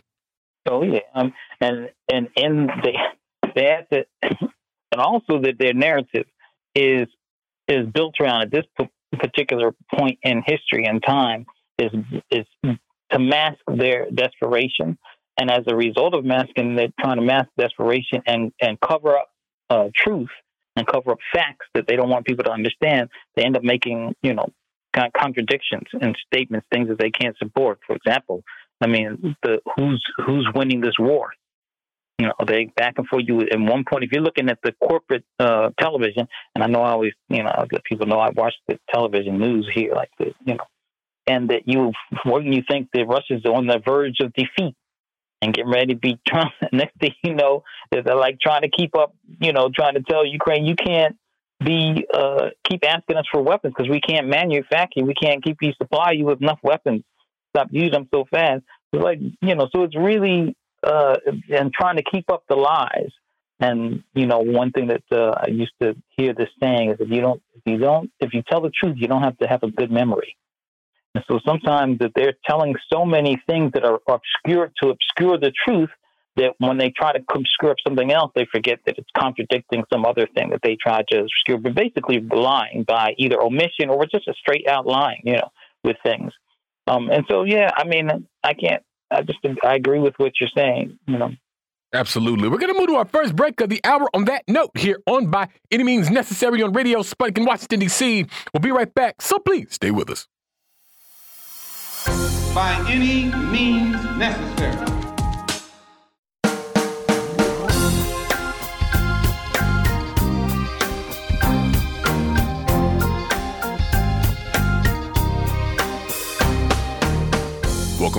To By Any Means Necessary on Radio Sputnik in Washington, D.C. I'm your host, Sean Blackmon, here with Jacquie Luqman. And as always, we are your guide for connecting the political, social, and economic movements shaping the world around us. Phone lines are now open 202 521 1320. That's 202 521 1320. Myself and Jacquie Luqman continue to be joined by Netfa Freeman and Netfa, another uh, thing that the U.S. imperialist state has been screeching about here lately are these, you know, so-called unidentified objects, uh, and this follows the kind of mini hysteria that was stirred up over uh, what the U.S. still describes as a Chinese spy balloon, um, even though the uh, uh, Chinese government has made it clear that that was actually a weather balloon that was blown off course. Well, now the U.S. Government is actually noting how these um, un, these these objects that they've been talking about not only aren't from China, but are also likely quote unquote benign. And uh, this is coming from National Security Council spokesperson uh, John Kirby, who told reporters this week, quote, we don't see anything that points right now to being a part of China's spy balloon program.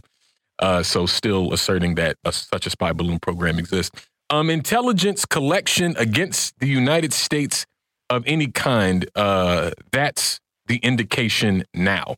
So it's just it's just been sort of wild to see how you know this this this anti-China sentiment, this this this xenophobic way of discussing uh, uh, China and immediately assigning the uh, worst motivations for these perceived slights or attacks or attempts at surveillance or whatever, it's like it can be pulled out at almost any time, and particularly when we're in a moment where um, the U.S. is saber rattling with China uh, uh, vis-a-vis uh, Taiwan in the same way that they did with Russia vis-a-vis Ukraine. You know what I mean? And so the U.S. and different wings of its ruling class are, are hell bent on engaging in catastrophic nuclear warfare with these countries.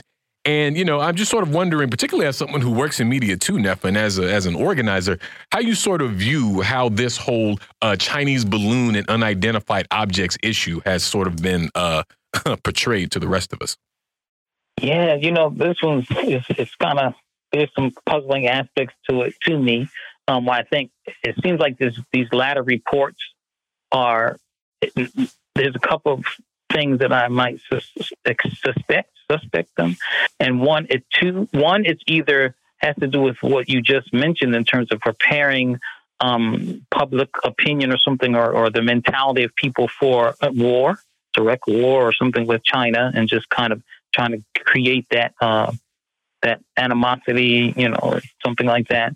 Or it could be just them having because they initially, you know, acted ridiculous around this this balloon that now people are reporting and, and they're trying to keep, I don't know, trying to act, I don't know, act, uh, respond in a way that gives people confidence that, that they have control of, of the situation. I mean, even the whole balloon thing was so stupid because you know, and and I suppose some people who are really into you know American security or something may have been afraid about it and may have been concerned with how could you let this happen, sort of attitudes. But the rest of us know well, there's no way. I mean, they you know they there's no way any object could get this far and then not know what it is, if it was dangerous or if it was fine. Plus, they have so many other ways of get collecting information. There's satellite. There's there's so many other. Ways. They wouldn't have to do a spy balloon. What could a balloon or something like that really detect that was not? It's just ridiculous. But because of them making such a big thing out of this, which I think really was design is designed to to to whip up some anti-China China hysteria, that that in itself may have um, gotten out of control. It created some un, what you call unintended consequences when they did that. And now people, because people report UFOs all the time. I mean, the people will say, "What's that in the sky?" And they might even call, you know. And but now, if they do it, they maybe it's increased that, and maybe they the the government is finding a need to respond to it now and not dismiss it because it because it would make the their response to this other thing look ridiculous or maybe it's just you know I, that that's the only thing I can make of it. I think it's it's also ridiculous.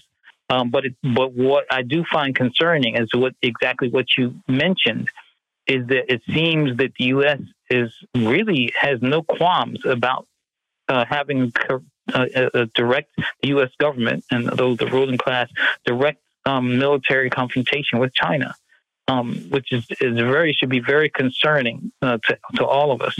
Um, yeah.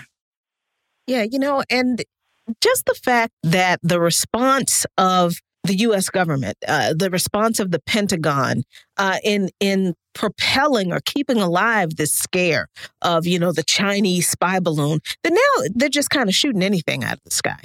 just they shot down these three additional whatever they were that they're they're not wanting to come right out and say well we thought they were more chinese spy balloons but they're not but they don't want to identify what they are i mean i think just the links that the state will go to to continue to prop up this uh, saber rattling against China is, I mean, I don't know if I've ever seen anything like this, uh, Netfa, and and, I, and I'm wondering if if you know how you see the way the Pentagon is willing to carry out uh, carry on this ruse as long as they have by continuing to uh, uh, shoot missiles at things in the sky, and all in the attempt to continue to say that China is is sending balloons to spy on us.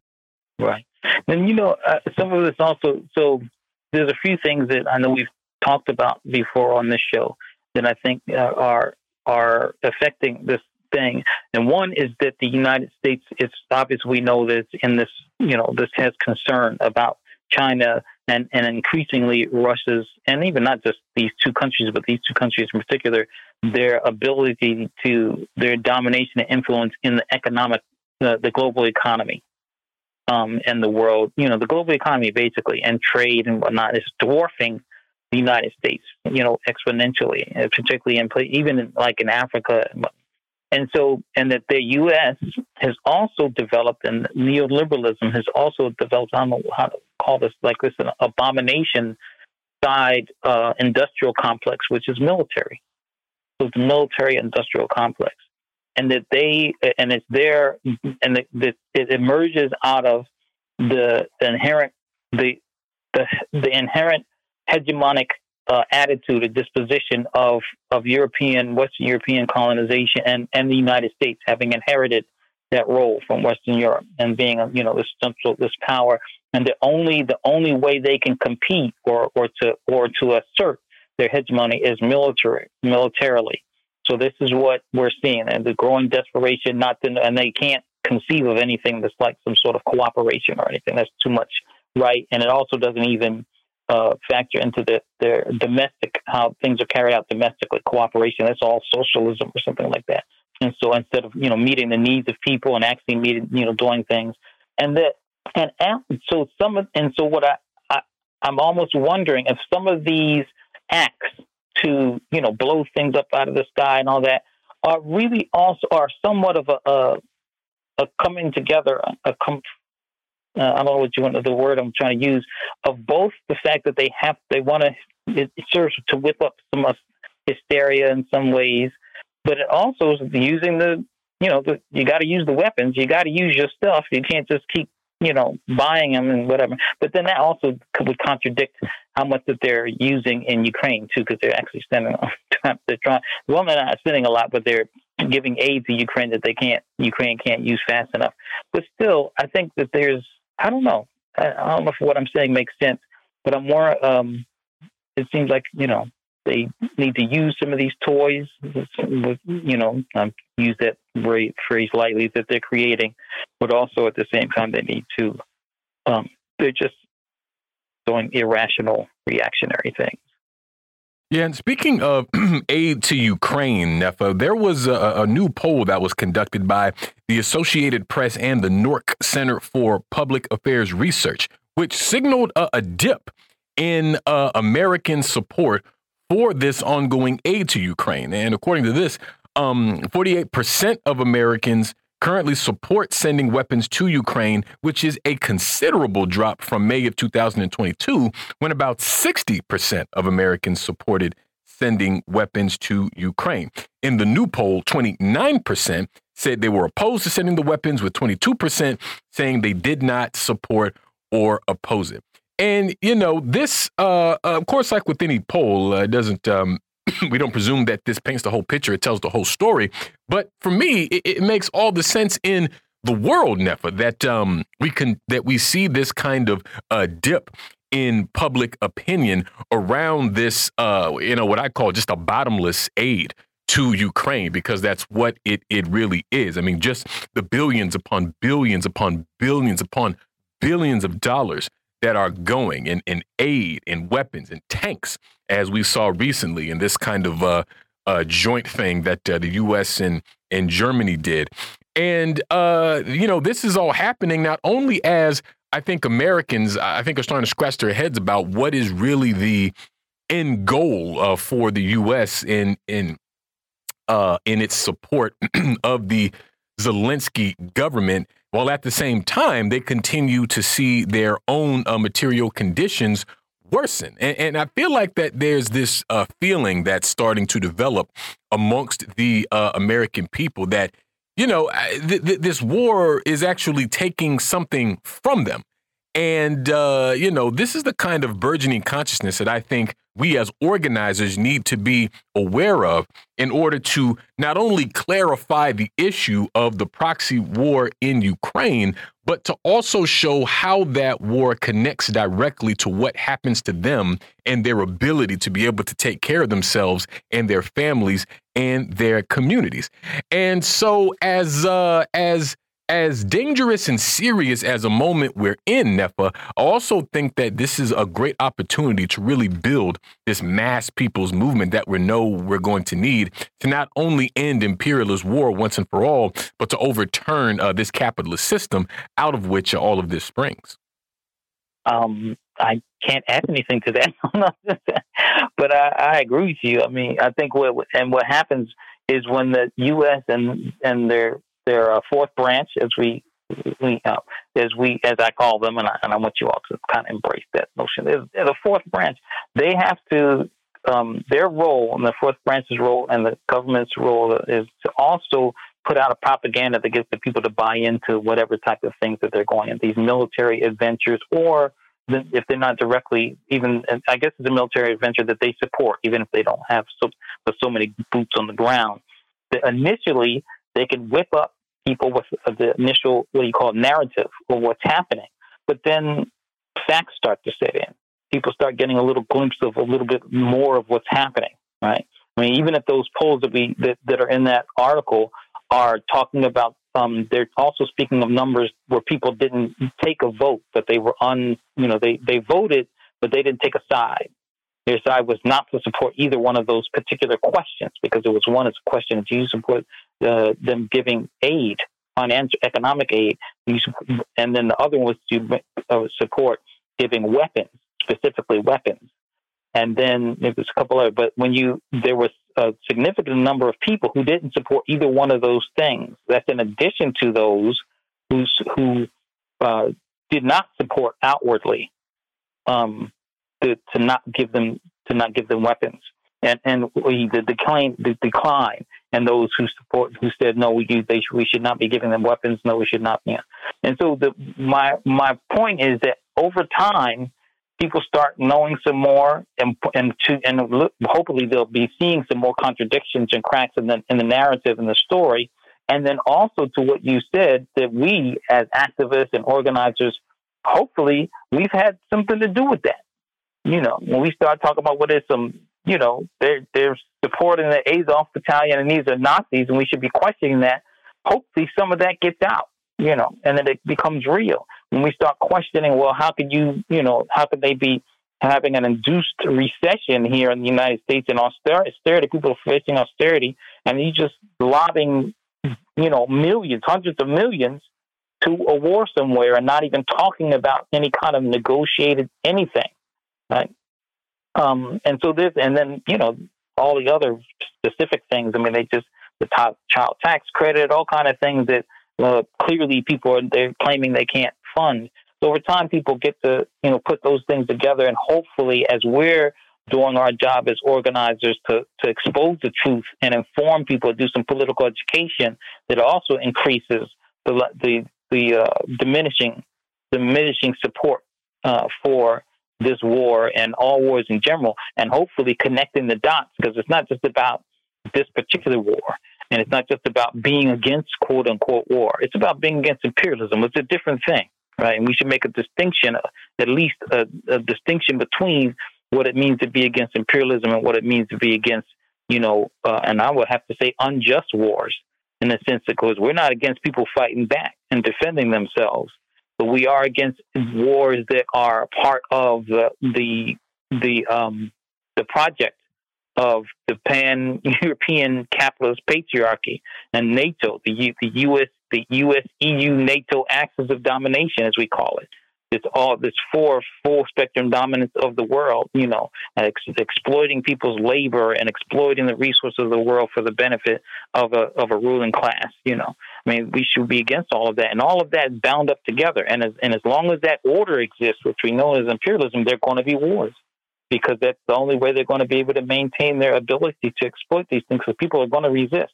and they're going to, you know, and so I think that that's, and I didn't mean to get off too far off, but I think there's an important distinction that has to uh, be made, and that we have to increase the understanding about it. Um, it's almost like when uh, Dr. King said, "Compassion is not flinging a coin at a beggar; it comes to see the edifice that produces beggars needs restructuring." So it's not just about this war; it's about the system of white supremacy and capitalism and you know and and you know, global exploitation that produces wars that has to be eliminated. Yeah, and you know, to your point about the the fourth estate and and the results of this poll that that you know support of uh, Ukraine or, or at least aid to Ukraine looking like it's slipping among uh, the American population. Do you think, Netfa, and this is just something I was thinking about as we kind of went from talking about the Chinese spy balloons to to you know folks being not so supportive of sending more money and aid to Ukraine. Do you think that the the lull in coverage, and I've noticed this, that there has been a lot less coverage of the conflict in Ukraine on most of the nightly, you know, weekly or uh, nightly uh, news stories, uh, news uh, uh, broadcasts. Uh, because remember when when the conflict started, oh my gosh, it was the plucky Ukrainian army up against you know the evil Russians, like it was some Marvel movie fight, right? And now if there's any coverage at all, it's very quick, it's very subdued because I think the stories are more and more stories are being published that the Ukrainians are suffering uh, some pretty significant losses. That's kind of bleeding into the mainstream media news cycle. But at the same time, the fourth estate, I think, is doing this very interesting pivot toward this propaganda, uh, propaganda against China. And, and do you think that's all kind of connected in getting people to be ginned up to support a war against China, just like the corporate media did in getting people to be supportive of uh, the U.S. sending aid to Ukraine? Mm-hmm. Well, I think you're onto something, but I think it's a combination. I think it's a combination of them having to shift uh, to whip up this this anti-China hysteria for so they can support war to China. I think it's clear that they just doing everything they can to make every you know to to to justify that. Um, and that you know we really have to be figure. But at the same time, also the stories that they some of the stories and some of the things that they try to report about the war in Ukraine initially they can't really talk about them anymore. That they, they don't really have any credence. Like for example, they used to do a lot to try to make it seem like the Kremlin was losing credibility inside Russia and Putin, not Putin. I'm sorry. Let me let me not say. Let's say Putin because that's what they do. It's like Putin's, you know. And so now that stuff is not really something that they can really make keep having. Even remember they even had there were some anti-war protests, anti in Russia, that people that they were you know they would like to show. They don't have they don't have any of that stuff anymore. Um, and that they also can't continue to explain, you know, why it's not going the way they tried to predict, as if they, you know, the way they tried to predict it was going to go for Russia. I think it's less for them to, you know, they can't. It's hard to keep up the facade of what they're trying to keep up, so they have to report less.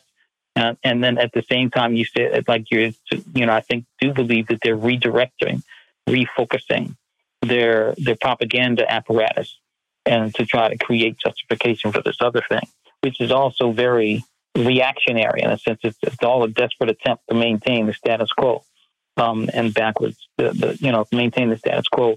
And, and the desperation makes it very dangerous. Absolutely. We're going to move to another quick break on that note here on By Any Means Necessary on Radio Sputnik in Washington, D.C. We'll be right back, so please stay with us. By any means necessary.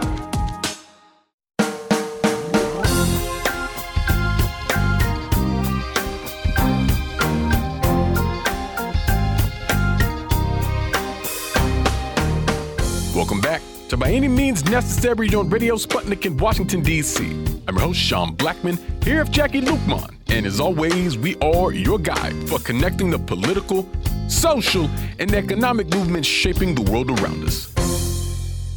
My dear friends, phone lines are still open 202 521 That's 2 0252111320. I am here.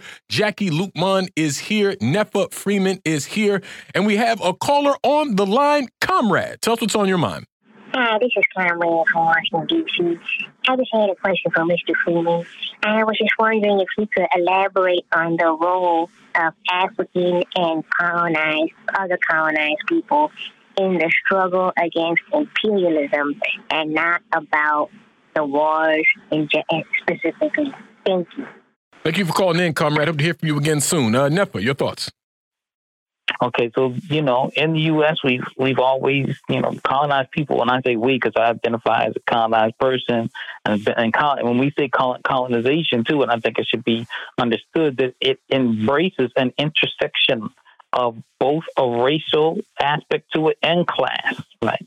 Um, and I mean, I think that says it all when you say colonized people. And you can, and it's not, you know, you're not talking about one. You might, you, you might have aspects of the colonized people who opt in, and you know, they become, you know, quisling and, and and do the bidding of the of the their colonizers. But at the same time, it's the the class aspect that the relegation of us to serving the wants and needs of the ruling class or the colonizer is what makes us colonize and and and the U.S. You know, so and our struggles of resistance, which is a good question, don't often get talked about in history um, you know, to, to resist enslavement, to resist wars, even when the U.S. goes against goes to war in other countries, is those of us in our organizations like, you know, the Black Panther Party or the Revolutionary Action Movement, or the, you know, all kind of student nonviolent coordinating committee, so many that you know I don't know how to even try to name all of them. Republic of New Africa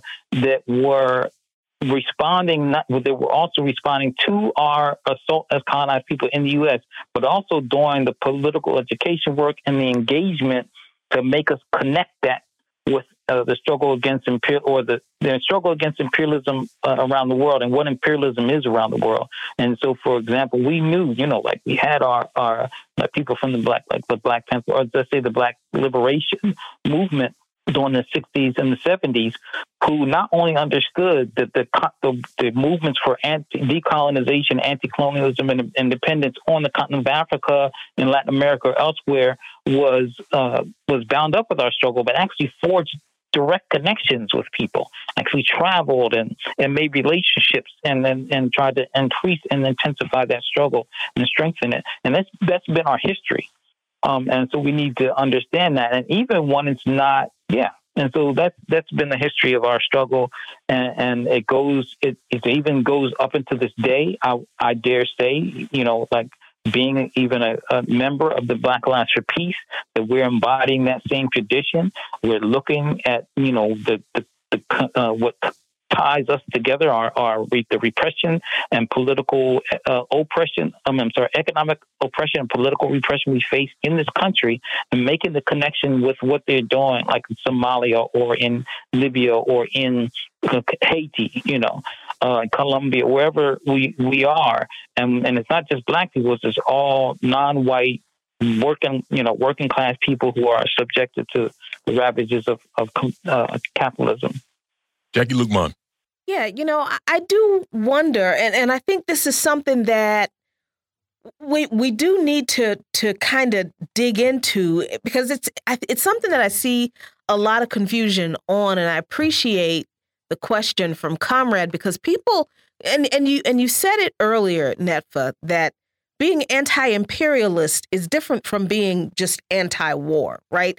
And I think that is the confusion that people have that they think that as long as we come out, you know, and say that we are against war or against this particular war, then that is the sum total of everything that we should be doing.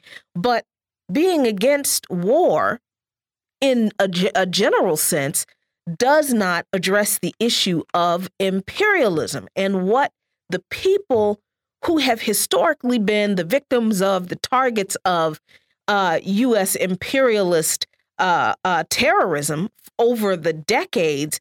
I think that's kind of the the that's the discussion that people have a hard time having because a lot of people don't understand the distinction between you know just being anti-war and being an anti imperialist. So, I mean, specifically, what are your thoughts about how to get people to understand that that it's it's fine that you know that you want the, the Ukraine war to end? That's that's wonderful. We all do. But what does that mean in the context of the need to be an anti-imperialist particularly from the perspective of the people who are historically the targets of imperialist wars Mm-hmm. And um, so one is the yeah this if we're taking war by war and not dealing with what causes the wars, uh, particularly in this day and age, the wars of there's the wars that imperialism or that the the United States and Western Europe you know are engaged in are wars to to have their access, their unfettered access and domination of markets and raw minerals and people's labor Uh, you know, control of all of that. They war for the continue the con- continuation of the exploitation of human beings by human beings and the planet. Right. Those of us who are directly subjected to that are and, and who are resisting it, resisting our subjugation to that, are in a constant state of war. So we cannot be only concerned with one. That would be and that we and when we and we when we focus on one is with the understanding that we're actually uh, attacking one piece of a broader system. You know, we're using the opportunity to expose the machinations of the broader system. And so, if we only focus on one, to be rejecting the, the, the solution of you know of ending war.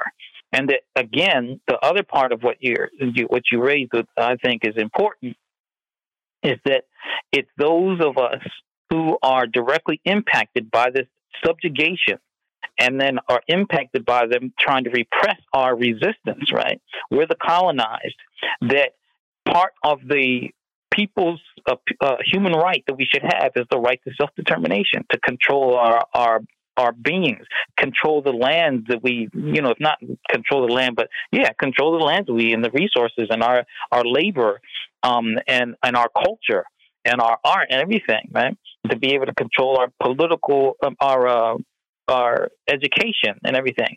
So if we're if that's not being con- controlled by us as a result of colonialism, and that the opposite of that is self determination, then that means an expression of, of realizing real self determination is for us to be able to leave that struggle to end capitalism, imperialism, and you know, and you know capitalism, imperialism. Imperialism, let's be understand, imperialism is in, inherently white supremacist. You know, if we're not talking about the imperialism that comes out of the Western European paradigm to colonize the world, we're not talking about imperialism you know. And so this, and as a result of that, that there can be no anti-imperialist movement in which the people who are most subjected to anti to imperialism are not leading it. I know people might cringe at that thought because if they're not, you know, up in that group, then they'll then it means that they're not going to be leading, and that means they just have a problem with not leading because they've been privileged but we have a problem with not leading because we've been subjugated. And I mean, uh, the problem that we have is that we're subjected, you know, to to other people's agendas and their, depictions of what liberation for us should even should look like. Uh, but we're gonna, we have to set the, you know, we have to define what liberation for us means.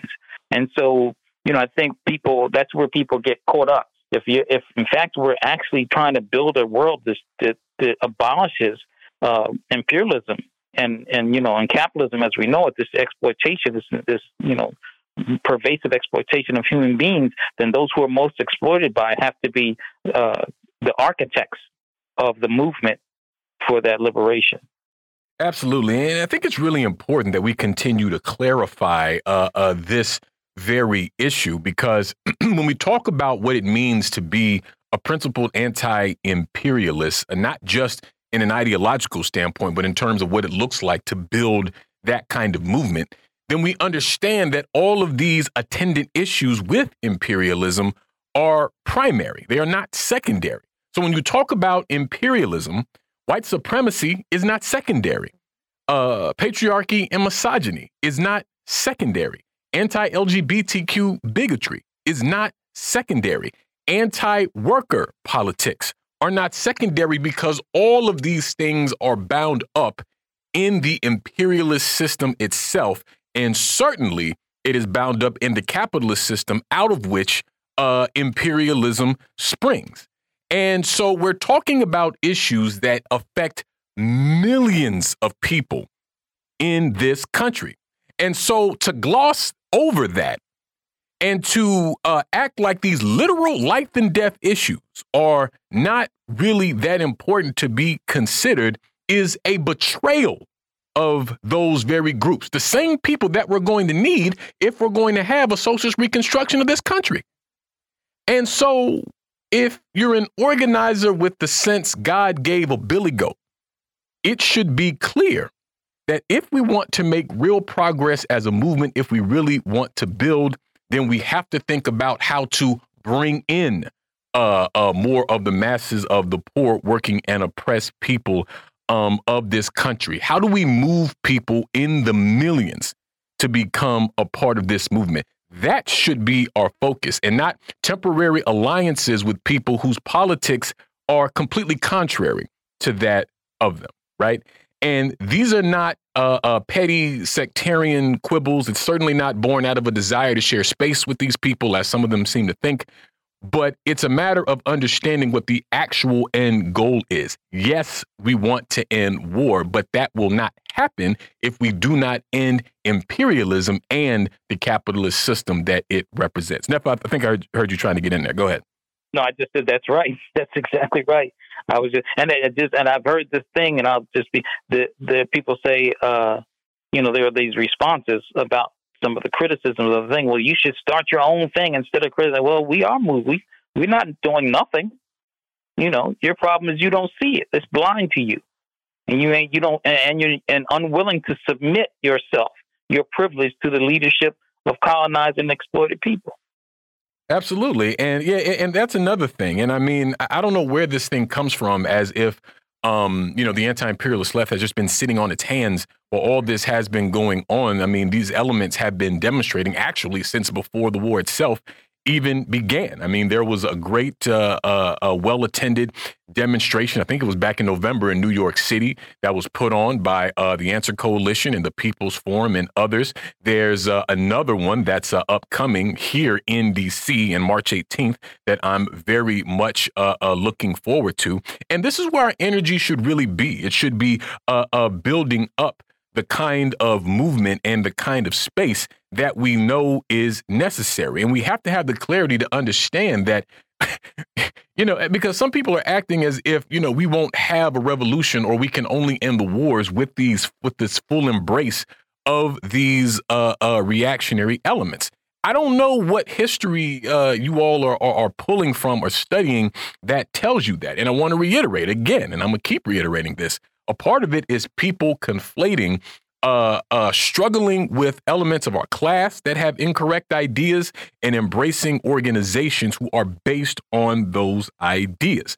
And so, you know, you and I, uh, uh and I'm speaking collectively for everyone under the sound of my voice, you and I have to not only be clear about this, but we have to be firm and we have to be consistent and we have to be unafraid to uh, you know stand up for what's right in every sense.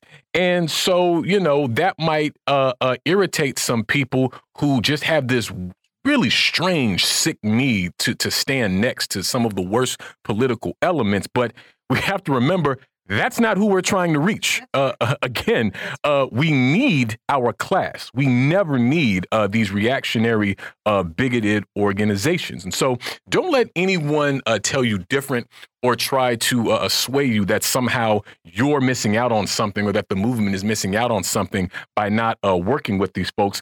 In fact, we are doing this because we know that that is what is necessary if we want the movement to stay intact and have any kind of integrity and to have any kind of legitimacy with the millions of people who uh, some of these other folks would rather exclude. But we're going to leave it there for today here on By Any Means Necessary on Radio Sputnik in Washington, D.C. Want to thank Netfa Freeman so, so much for joining us today. Be back tomorrow with an all new episode packed with new segments. So, as always, we'll see you next time. Peace. By any means necessary.